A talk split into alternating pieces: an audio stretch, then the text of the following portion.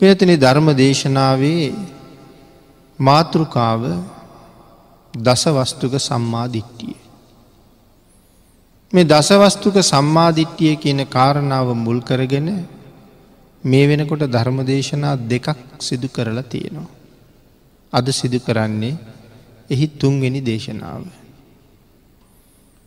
දසවස්තුක සම්මාධිට්ටිය කියල කීවේ මුල් දේශනා දෙකින්මත් පැහැදිලි කළා මේ ශාසනයට ඇතුළත් වෙන්න යම් කෙනෙක් බලාපොරොත්තු වෙනවනං ඔහු විසින් අත්හල යුතු කාරණා දහයක් තියෙනවා. ඒ තමයි දස වස්තුක මිත්‍යා දෘෂ්ටිය. ඔහු විසින් පිළිගත යුතු කාරණා දහයක් තියෙනවා.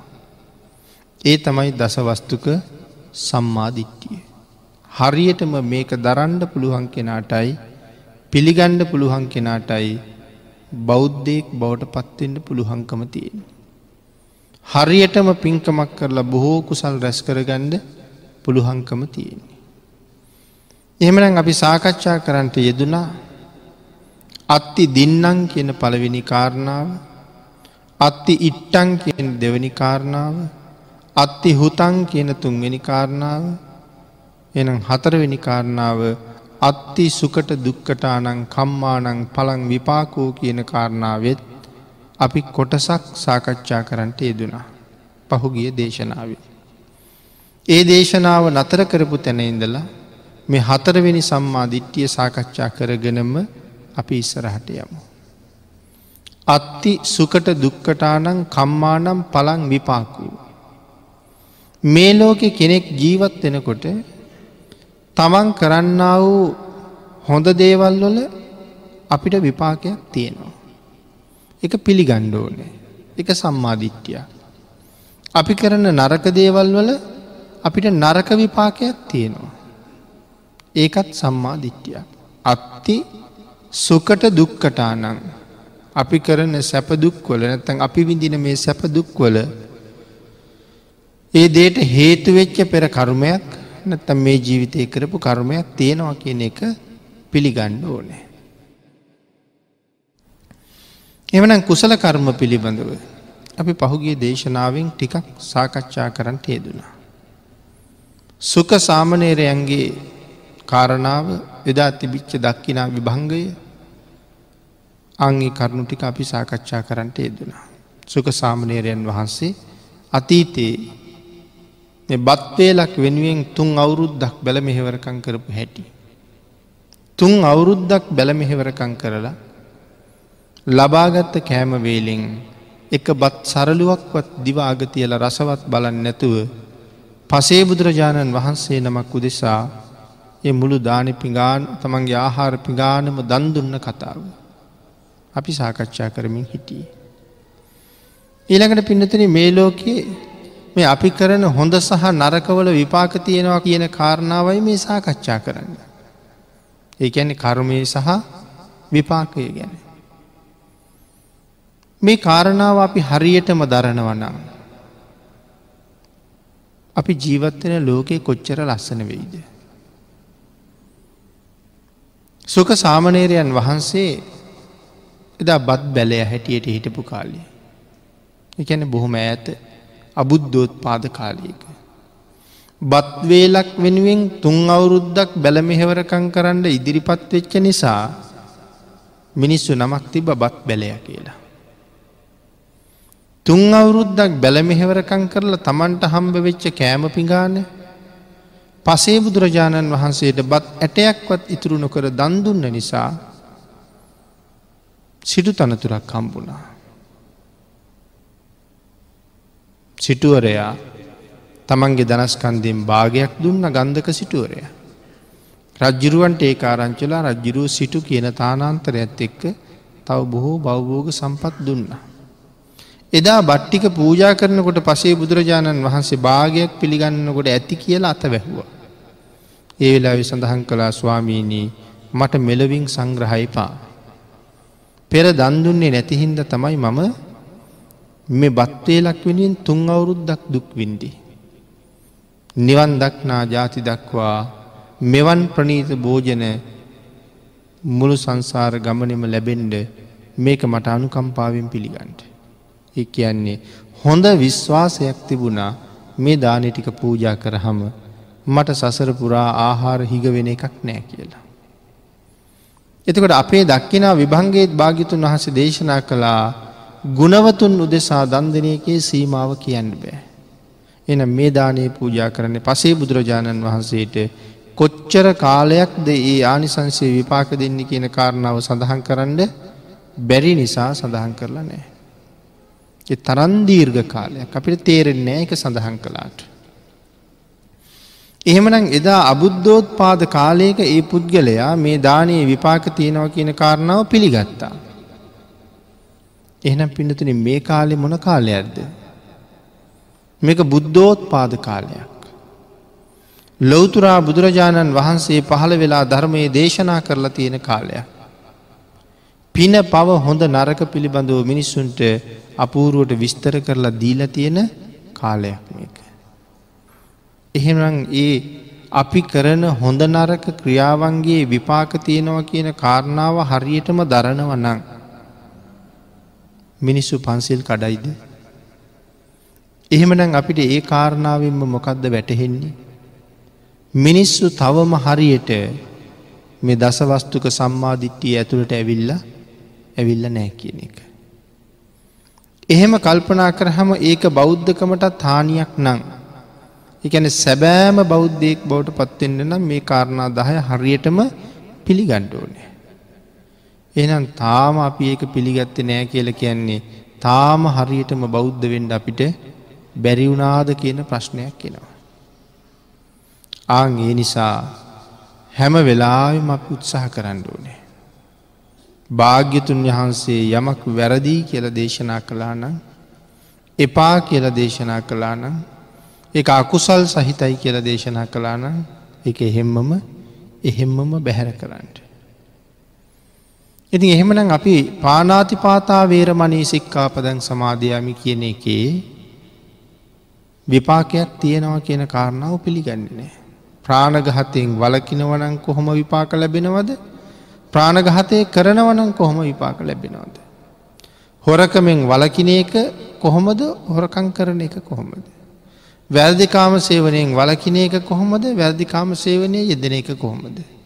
බොරු කියන එකේ විපාකමනෝද බොරුවෙන් වලකින එකේ විපාකමනෝද. සුරා පානය කරන එකේ විපාකය මොකක්ද සුරාවෙන් වලකින එකේ විපාකය මොකක්ද. මේ දෙක වෙන වෙනම අපිට අපූරුවට පැහැදිලි කරලා දීල තියෙනකොට. තාමත් අපි මේ සිල්පද පහ උල්ලංඝනය කරනවා කියල කියන්නේ මෙයට විපාකයක් තියෙනවා කියන කාරණාව පිළිගන්නේ නැහැ කියන කාරණාවද. එමනතං සසරට බය නැති හින්දද. ඒක පිළිගණ්ඩ ඕනෙ නැති හින්දද. ආංගේ කර්මයයි පලයයි පිළිගන්නේ නැති නිසා අපේ රටේ දවසින් දවස හොරකං වැඩි වෙනවා. දවසින් දවස අල්ලස් වැඩි වෙනවා. දවසින් දවස දූෂණ දවසින් දවස භීෂණ අපරාධ එන්ඩ එන්ඩ වැඩිවෙන ස්වභාවයක් පේනවා මිසක් අඩුවෙන ස්වභාවයක් පේන්ඩ නෑ. එහෙනම් අපි කරන දේවල් වල විපාක තියෙනවා කියන කාරණාව ඒ තරමටම පිළි අරගෙන පිළි අරගෙන නෑ. ඉළඟට පින්නතින අපේ පාසලක් ගැන කල්පනා කරලා බැලුවොත් විශ්වවිද්‍යාලයක් ගැන කල්පනා කරලා බැලුවොත්.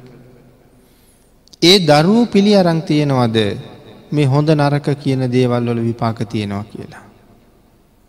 එහෙම පිළි අරගෙනත් නෑ. එහෙම පිළිගත්තා ඉන්නවනං ඉන්න බොහොම අතලොස්සයි. පාසැල් පද්ධතිය ගැන කල්පනා කරලා බැලුවත් එන්ඩෙන්ඩ එන්ඩෙන්ඩ දවසින් දවස දවසින් දවස සංවර්ධනය වෙන බවක් අපේ පාසල්ල පේන්ඩ තියෙනවාද. ගොඩ නැගිලි නම් සංවර්ධනය වෙනවා. නමුත් එහි අධ්‍යාපනය ලබන අයගේ ආධ්‍යාත්මීය සංවර්ධනයක් තියෙන බව පේන්නේ පේනෙ නෑ දවසින් දවස පරිහානියට පත්වෙන ස්වභාවයක් තමයි දකින්නේ. ඇයි මේ කර්මය සහ පලයක් පලේ තන් කර්මයන්ගේ විපාක තියෙනවා කියන කාරණාව හරියටම පිළි අරගෙන නෑ. පිළිගණ්ඩ සූදානන් නෑ. මේ වැරද්ද කරලා බෑ ගුරුවරුන්ට එරෙහි වෙලා බෑ. ගුරුවරුත් එක්ක එකට එක කියල බෑ. ගුරුවරයට විරුද්ධව කටයුතු කරල බෑ. මං අනාගතයේ බලාපොරොත්තුවෙනව නම් ඉහල තනතුරකට යන්ඩ. මට පුළුවන් දෙතෙන්ට යන්න නිකම්ම.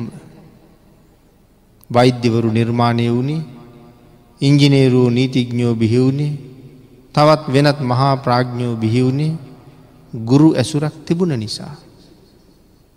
එතකොට තමන් එතෙන්ට අරගෙන ගියපුත් ගුරුවරයට අපි කොහොම සලකණ්ඩෝ නැත. පිනතින අතීතය ගැන කල්පනා කරන්න. අහිංසකට දිසාපාමොක් ආචාර්යවරයා සඳහන් කළා ඔබට සිල්ප උගන්නලා ඉවරයි ගුරු පණ්ඩුරු දීලා යන්න පුළුවන් කියලා. මොනවද ගුරු පණඩුරු හැටියට ඉගැන් ඉල්ලුවේ මිනිස්සු දාහක් මරලා ගුරු පණඩුරක් දෙන්නට කිව්වා. කවුද ඒක කීවේ තමන්ගේ ගුරුවරයා. ගුරුවරයා කියනව නං මිනී මරණ්ඩ වනත් යෙදෙනවා. මුලින් කීව ස්වාමීනී මම අහිංසක කියල කුලයක ඉපදිච්ච කෙනෙ. මැස්සෙක් මදුරුවෙක්වත් මරාගණ්ඩ බැරි මම කොහොමද මිනිහෙක් මරන්නේ. ඒ වෙලායි ගුරුවරය සඳහන් කළේ ඔබට ඒ වැඩේ කරන්න බැරිනම්. ඔබට සිල්ප පිහිටන්නේ නෑ කියලා. එහෙනම් ස්වාමීණී මට ආයුධ දෙෙන්ට. ගුරුවරයා කියනවනම් මිනි මරන්නම් කියලා ඉදිරිපත් වෙනවා. ඒ තරම් පුදුම ගුරු ගෞරවයක් තිබුණේ. ගුරුවරය කියනවනම් මිනි මරනවා. නමුත් අද ගුරුවරය මොකක් කරි කිය හම. ඒකට කීයක් දේවල් කරන්න අප ඉදිරිපත් වනාද. ගුරුවරයට කොයි තරම් නං හැදුවද. ගුරුවරන්ට කොයි තරං චෝදනා කළාද. ගුරුවරුන්ට කොයි තරං අපහාස කළාද. මේ මේ කාරණත් එක්ක මේ කර්මය සහ විපාකය පිළිබඳව පිළිගන්න ස්වභාවයක් පේන්ඩ නැති බව අපි අපි දකිනවා. එමනම් ඒගොල්ලන්ට ඒක ඉගැන්වේ නැත්තේ පුරුදු කෙරුවේ නැත්තේ ඒ තියෙන පින්නතින අපේ දහම තාම ඇඟට ඇවිල්ල නැති හින්දන්නේ. එහෙමනම් අපිට කියන්නේ බෞද්ධ කියලා. අපි බෞද්ධ කියලා කිය හම හැබෑ බෞද්ධයෙක් වෙන හැටි මේ සාකච්ඡා කරන්න. අපි හිතන්නකෝ අපි බෞද්ධ උනේ කොහොමද කියලා. අපි බෞද්ධ වෙච්ච විදිහක් තියෙන්ඩ ඕනේ. අපි බුද්ධාගමය කියලා කීවට. අපිට බුද්ධාගමී ගැන්නුවේ කවුද. අපේ රටේ බුද්ධාගමය කියල කියන අයට බුද්ධාගම කියලා දුන්නේ කවුද. අපි හිතන්නකෝ ඒ වැඩි හිටියන්ට දරුවන්ගේ අම්මට තාත්තට. ඒ අම්මට තාත්තට ඒ අයගේ දෙමවපියෝ බුද්ධාගම ඉගැන්වාද. ඒගොල්ල බුද්ධාගම ඉගැන්වෙත් නෑ.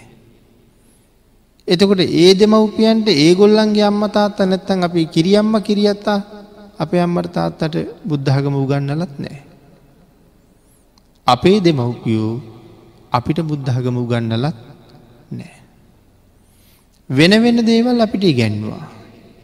වෙන වෙන ශිල්ප ශාස්ත්‍ර අපිට ඉගැන්වා. වෙනත් දේවල් ඉගැන්වා මිසක් බුද්ධාගම ඉගැන්වේ නෑ. කර්මය සහ පලය පිළිබඳව ඉගැන්වේ නෑ. ඒ නිසා කර්මය සහ ඵලය දරන අය පිළිගන්න අය ඒ කර්මයන්ගෙන් ඈත්වෙන අය පාපයෙන් වැලකිලා කුසල් කරන අය එන්ඩ එන්ඩ එන්ඩ එන්ඩ සමාජයේ අඩුවෙනවා වෙනුවට වැඩිවෙමින් පවතිනවා.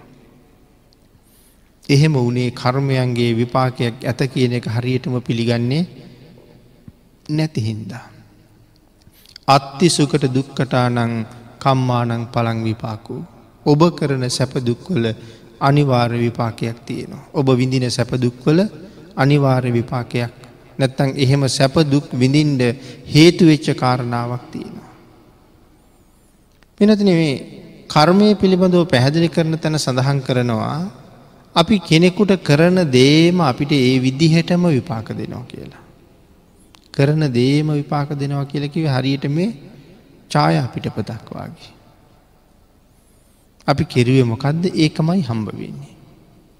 අපි කාට හරි ගහල මැරුවොත් අපිට සංසාරය ගුටි කාලම තමයි මැරෙන්ඩ වෙන්නේ. තලල මැරුවොත් තැලිල මැරෙන්ඩ වෙනවා. වස ගහල මැරුවොත් අපිටත් වස කාලම මැරෙන්ඩ සිද්ධ වෙනවා. ඇනල මැරුවොත් කපල මැරුවොත් පුච්චලා මැරුවොත් එක සංසාරයෙන් අපිට එන්නෙත් එහෙම්මම තමයි. මේ මේ කාරණාව හරියටම දරනවනම් මදුරුවාට ගහන්ඩ යනකොට මතක් වෙනවා මටත් දවසක මේවාගේ පාරක් වෙදිල මැරෙනවා කියලා. කර්මයයි පලයයි දරනවන. තත්පරයකට පහළ වෙන සිත් ප්‍රමාණය මෙච්චරක් කියල කියලා ඉවර කරන්න බැරි තරම්. ආංගේ පහළ වෙන කෝටි ප්‍රකෝටි ගණන් සිත් අතර විපාකසිත් කියල කොට සක්තියනවා. එතකොට ඒ කෝටි ප්‍රකෝටි ගාන අතර ලක්ස ගණන් විපාකසිත් පහළ වෙනවා.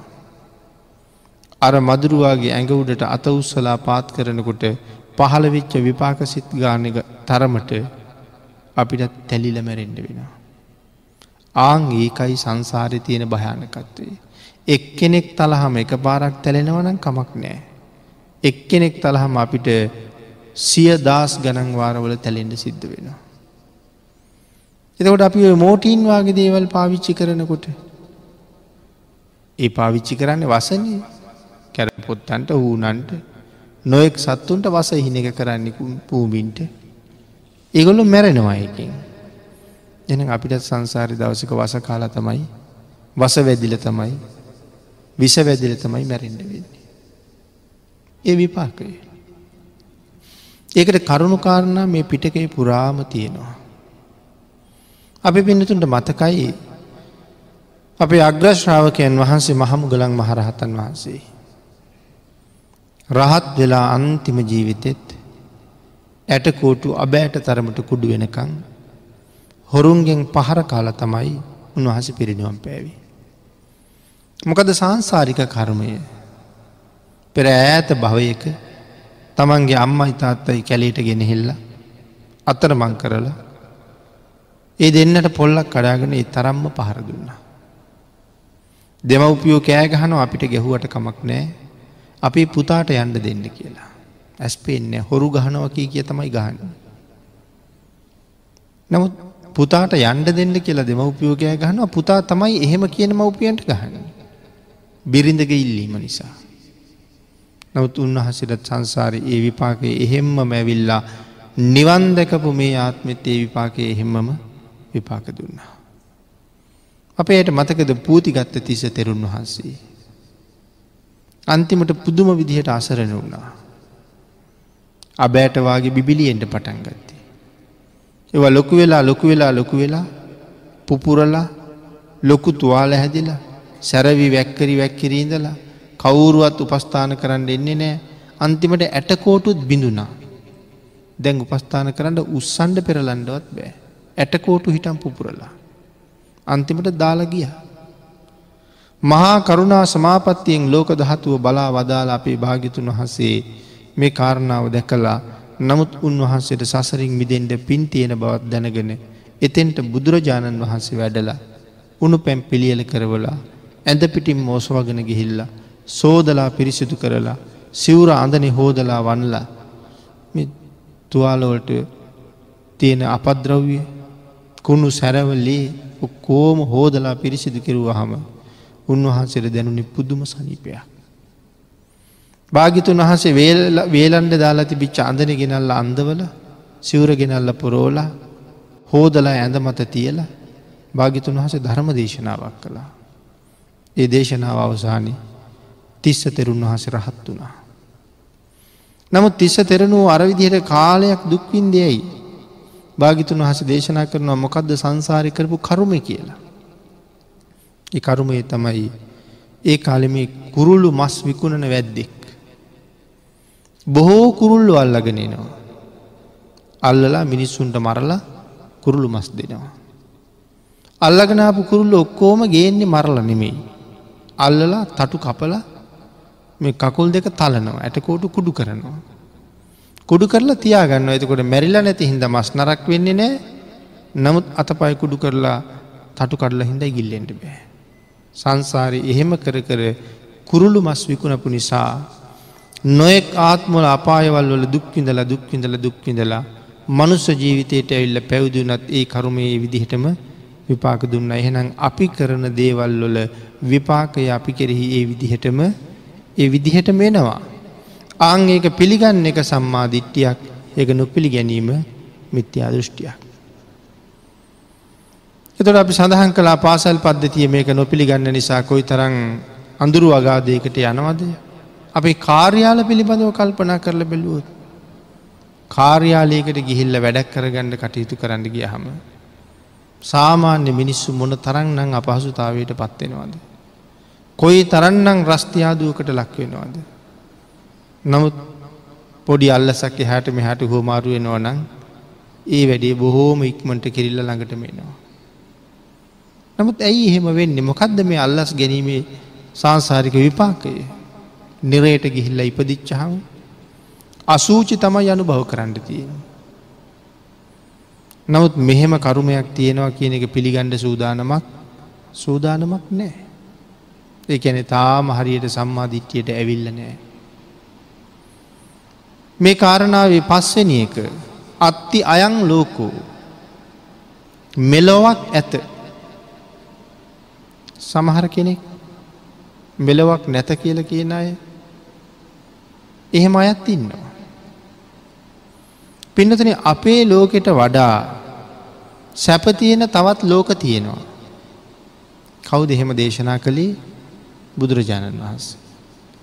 අපිට සමාන සැපතියෙන ලෝකත් තියෙනවා. අපිට වඩා දුක්විදින ලෝකත් තියෙනවා. තේරුණාද තොට කාරණාව අපිට සමාන සැප විදින අයත් ඉන්නවා අපිට වඩා දුක් විදින අයත් ඉන්නවා අපිට වඩා සැපවිඳින අයත් ඉන්නවා. එතකොට ඒ අපිට වඩා සැපවිඳින අපි හා සමාන සැපවිඳින ලෝකවල ඉන්න අය හැම දාම ඒ ලෝකවලට වෙලා ඉන්නවද. ඒ ලෝකවල ජීවත්වෙන අය මැරෙන් නැද්ද. මැරෙනවා. මැරිලා එයින් චුත වෙලා සමහරාය ඒ හිටියට වඩා බොහොම දුක්කිත තැන්වොල ඉපදෙනවා. සමහරය ඊට සමාන තැන්වොල ඉපදිනවා. සමහරය අපේ ලෝකේ ඉපදෙනවා. එතකොට අපට පිටිං ඉන්න ලෝකවල අයට මැරිලා ඉපදෙන්ඩ ලෝකයක් තමයි අපේ ලෝකය. වෙනත් ලෝකවල ඉන්න අය ඒ ලෝකවලින් මැරිල ඇවිල්ල මේ ලෝකේ ඉපදෙනවා. අත්ති අයං ලෝකෝ එතකොට මෙලොවක් ඇත. එතකොට මේ ලෝක ජීවත්වෙන ඔබයි මමයි මැරිලා මෙහෙම ආය උපදිනවද. මේ මනුස්ස ජීවිතයක් අරගෙන මේ විදිහටම එහෙම වෙනවනං වෙන්න ඉතාම කලාතුරකින්. හැබැයි අපි මෙහෙන් මැරිලා සක්කොලවල් ගණන් ඈත වෙනත් ලෝකෝල උපදින්නත් පුළුවන්. වැසිකිලි වලවල්වල උපදින්නත් පුළුවන් කුණු කානුවල ඉපදෙන්ඩත් පුළුවන් සාගර පතුල ඉපදෙන්ඩත් පුළුවන්.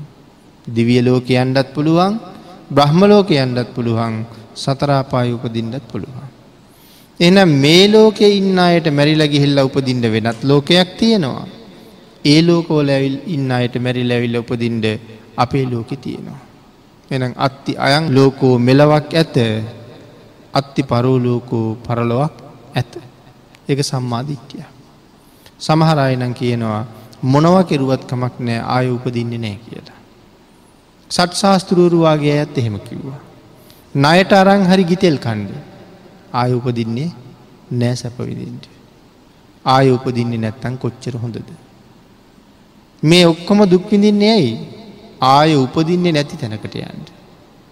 ඉතින් ඒක නිකම්ම වෙනවනම් මෙච්චර දුක්විඳින්න වෙන්නේ වෙන්න නෑ. එනම් පස්වනි කාරණාවත්ති අයං ලෝකෝ හයවැනි කාරණාවත්ති පරෝලෝකෝ. හත්වෙනි කාරණාව අත්ති මාතා අම්ම කියල කෙනෙක් ඇත. අටවෙනි කාරණාව අත්තිපිතා තාත්තා කියල කෙනෙක් ඇත්ත. කෙනෙකුට හිතෙන්ට පුළුවන් ඕක කියන්න දෙයක්ද කියලා. අම්ම ඉන්නවා තාත්තා ඉන්නවා කියන එක අමුතුවෙන් කියන්න දෙයක් දෙක අපි හැමෝම දන්න ඕන කියලා. දන්න බව ඇත්ත.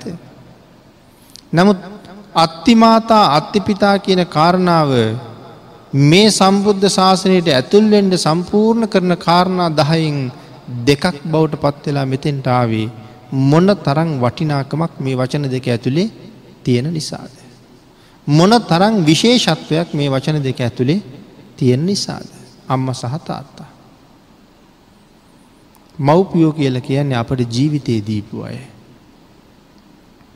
මේ ලෝක අපිට හම්බෙච්ච වටිනාම සම්පත මොකක්ද කියල කල්පනා කරලා බැලුව. අපිට හම්බ වෙලා තියෙන වටිනාම වස්තුව තමයි අපිට ලැබිච්ච අපේ ජීවිතේ. මේ ලෝක අපි වැඩියෙන්ම ආදරය කරන වස්තුව මොකක්ද කිය ලැහුවොත්. එ වෙන කිසි දේකට නෙමෙයි හැම කෙනෙක්ම වැඩියෙන්ම කැමති තමන්ගේ ජීවිතයට. හැමෝම කැමති තමන්ට. එතකොට මම එච්චර කැමතිනම් මගේ ජීවිතයට මේ ජීවිතය මට දුන්නේ කවුද අම්මතාත්තා. කුස ඇතුළේ ඉන්නකොට මරලදාන්න පුළුවන්කමක් තිබුණේ නැද්ද තිබුණා. දිය කරලා දාන්නත් තිබුණ ගබ්සා කරලා කපල කපල එලියට ගණ්ඩත් තිබුණා. මේ කතා කරන තප්පරෙත් මේ ලෝකෙ එහෙම දේවල් දස් ගනන් වෙන්න නැද්ද එහෙමත් වෙනවා. ඔබත් මමත් එක්ක ජීවත්තෙන්ට හිටපු තවත් විශාල පිරිසක් කොටසක් දිය වෙලා ගියා කොටසක් කෑලි කෑලිවලට කපලාරන්දම. හැබැයි අප යම්ම අපිටත් එහෙම කලා නං අද ඔබත් ඔතන නෑ මමත් මෙතන නෑ. එනම් මවකුසේ දරුව දරාගෙන නොවිදිනා දුකක් දසමාසයක් තිසේ ඉවසමින් අම්ම අපිව හදල පෝෂණය කළා. සමහර වෙලාවට දරුවෝ බිහි කරන්න ගිහිල්ලා අම්මලා මැරෙනවා. තවත් ගැබ්ගත්ත කාන්තාවක් ඒක දන්නේ නැද්ද. සමහර කාන්තාව දරුව බිහි කරන්න ගිහිල්ල මැරුණ කියලා දන්නවා. එතකොට ඇයට හිතෙන්ට පුළුවන් මේ දරු ගැබ බිහි කරන්න ගිහිලා මමත් මැරෙයිද. සමහරම්මලා දරුව බිහිවෙන වෙලාවේ බොහොම වේදනාවෙන් නමුත් කීවේ මගේ ජීවිතයට මොනව වුනත්කමක් නෑ පුළුවන්නම් මගේ දරුව බේරගණ්ඩ කියලා. ඒ තරම්ම සෙනෙහසක් තිබිච්ච නිසා අපිට ජීවිතයේ දුන්න නිසා මව්පියන්ට අපි ගාව තියෙනවා පුදුම පුදුමාකාර ණය බරක්. ඒක ගෙවන්ඩ පුළුහන්ද කවදාවත් බුදුරජාණන් වහන්සේ දේශනා කළේ මේ පොලෝ තලය පෘථවි තලයේ සත්‍රුවනින් පුරෝලා අම්ම ඉතාත්තයි ඒ මත සැතපෙව්වොත්. සතපෝලා ඒ සත්‍රුවන් සියලු දෙනාම ඒ දෙන්නක කියලා ඒ දෙන්නට පවරලා දුන්නොත්. පිනතින මව්පියන එන්න නිදහස් වෙන්ඩ බෑ කියලා. අවුරුදු සීයක් අම්මයි තාත්තයි දෙවුර මත තියාගන්න සැලකුත්. අවුරුදු සීයම කරින් බස්සන්නෙම නෑ අම්ම තාත්තා මළමූත්‍රා කරන්නේ පවා කර උඩ ඉඳගෙන. මේ සියලුම දුක් ඉවසගෙන සියක් අවුරුද්දක් සල කලා බිමින් තියෙනකොට ධර්මය සඳහන් කළේ ඒ පුතා මව්පියන්ට සල කලා නෑ කියලා. සැලකුවා මදි කියලා. අම්මගෙන් බීපු එරි බින්දුවක නායග වණ්ඩවත්. තාත් අපි වෙනුවෙන් හලාපු එක කඳුලක දහඩිය බින්දුවක නායග වණ්ඩවත්. අපිට එහෙම සල කලා බැරි බවයි දේශනා කළේ. දෙන අම්ම තාත්ත කොයි තරං මේ ලෝකෙ විශේෂද. ආංගේ නිසයි සම්මා දිට්ටියට මේ කාරණා දෙක ගොුණු වෙලා එන්නේ. මව්පියෝ කියල කියන්නේ දරුවන්ට ජීවිතය දුන්නාය මේ ලෝකෙ ඉන්න හොඳම සම්පත තමයි අම්මයි තාත්තයි. පිනතුන මිනිස්සුන්ට බොහෝ ප්‍රයෝජනවත් වෙච්ච වස්තුවක් ලෝකෙ තියෙනවනං ඒ ගින්දර. ගින්දර අපේ හැමදේටම උදව් කළා. වක්‍රව හරි කල්පනා කරලා බැලුවොත් ගින්දරෙන් උදව් නොල බපු දෙයක් නැති තරම්. අපි වාහනයකට ගොඩ වුනත් ඒක ක්‍රියාත්මක වෙන්නත් ගින්දර හේතු වෙනවා. එනම් ගින්දරාපට නැතිවම බැරි දෙයක්. එයින්ද හරියට ගින්දර කියල කියන්නේ ලෝකෙ ඉන්න හොඳම සේවකයා. ලෝකෙ ඉන්න නරකම ස්වාමියත් ගින්දරදී පුච්චලා අලු කරලා දානවා චුට්ට වැරදුණු. අම්ම තාත්තා අපිට ජීවිතය දුන්න. හැබැයි ඒ දෙන්න කෙරෙහි පිළිපදිනකොට වැරදුනොත් වැරදුනොත් මුළු සසරටම එක බලපානවා. ආගේ හින්ද මව්පියෝ ඇසුරු කරන්න වෙන්න හරීම පරිස්සමෙන් ගින්දර ඇසුරු කරනවා වගේ. ඇයි එහෙම සඳහන් කළේ. බුද්ධ දේශනාව හැටියට නං අම්ම තාත්තා ගෙයින් දුර බැහැර යනකොට දරුව නැගිටලා ඇවිල්ලා ආචාර කරන්න ඕන. ඒඇන වඳින්ට ඕන. මව්පියෝ ඉන්න තැන උඩ ඉඳගෙන ඉන්ඩ හොඳ නෑ මව්පියෝ හිටගෙන ඉන්නකොට. බෙම හිටියට නම් කමක් නැතියි උඩ ඉන්ඩ හොඳ නෑ. අම්ම තාතා දුර ගමන ගිහිල් යනකොට පෙර ගමන් යන්ට ඕනෑ. අතේ මිටේ බඩුමුට්ටු එල්ලගෙන ගොල්ල එන්නේ දරුවන්ට පෙරගමන් ගිහිල්ලෙව ගණ්ඩෝනේ. අරගෙන දනගහල වඳින්ඩ ඕනේ. හරියට නං පාද දෝවනය කරලා ගෙට ගණ්ඩුවනේ. උදේ හවස වන්දනා කරන්න ඕනේ. වෙච්ච වැරද්දට හැම වෙලාම සමාව ඉල්ලන්ට ඕනේ.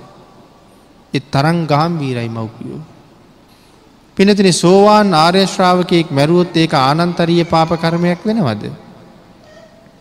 සෝවාන් ආර්යශ්‍රාවිකයෙක් මැරුවොත් ඒ ආනන්තරිය වෙන්නේ නෑ.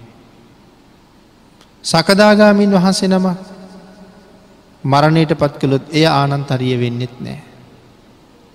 ඉට අමතරව අනාගාමින් වහන්සේ නමක් මරණයට පත් කළුත් ඒක ආනන්තරියකු අකුසලයක් වෙන්නෙත් නෑ. ඒ වනාට හිතන්නකෝ පන්සිල්වත් නැති වුණාට අම්ම තාත් අමරණයට පත් කළුත් ආනන්තරී පාපකර්මය.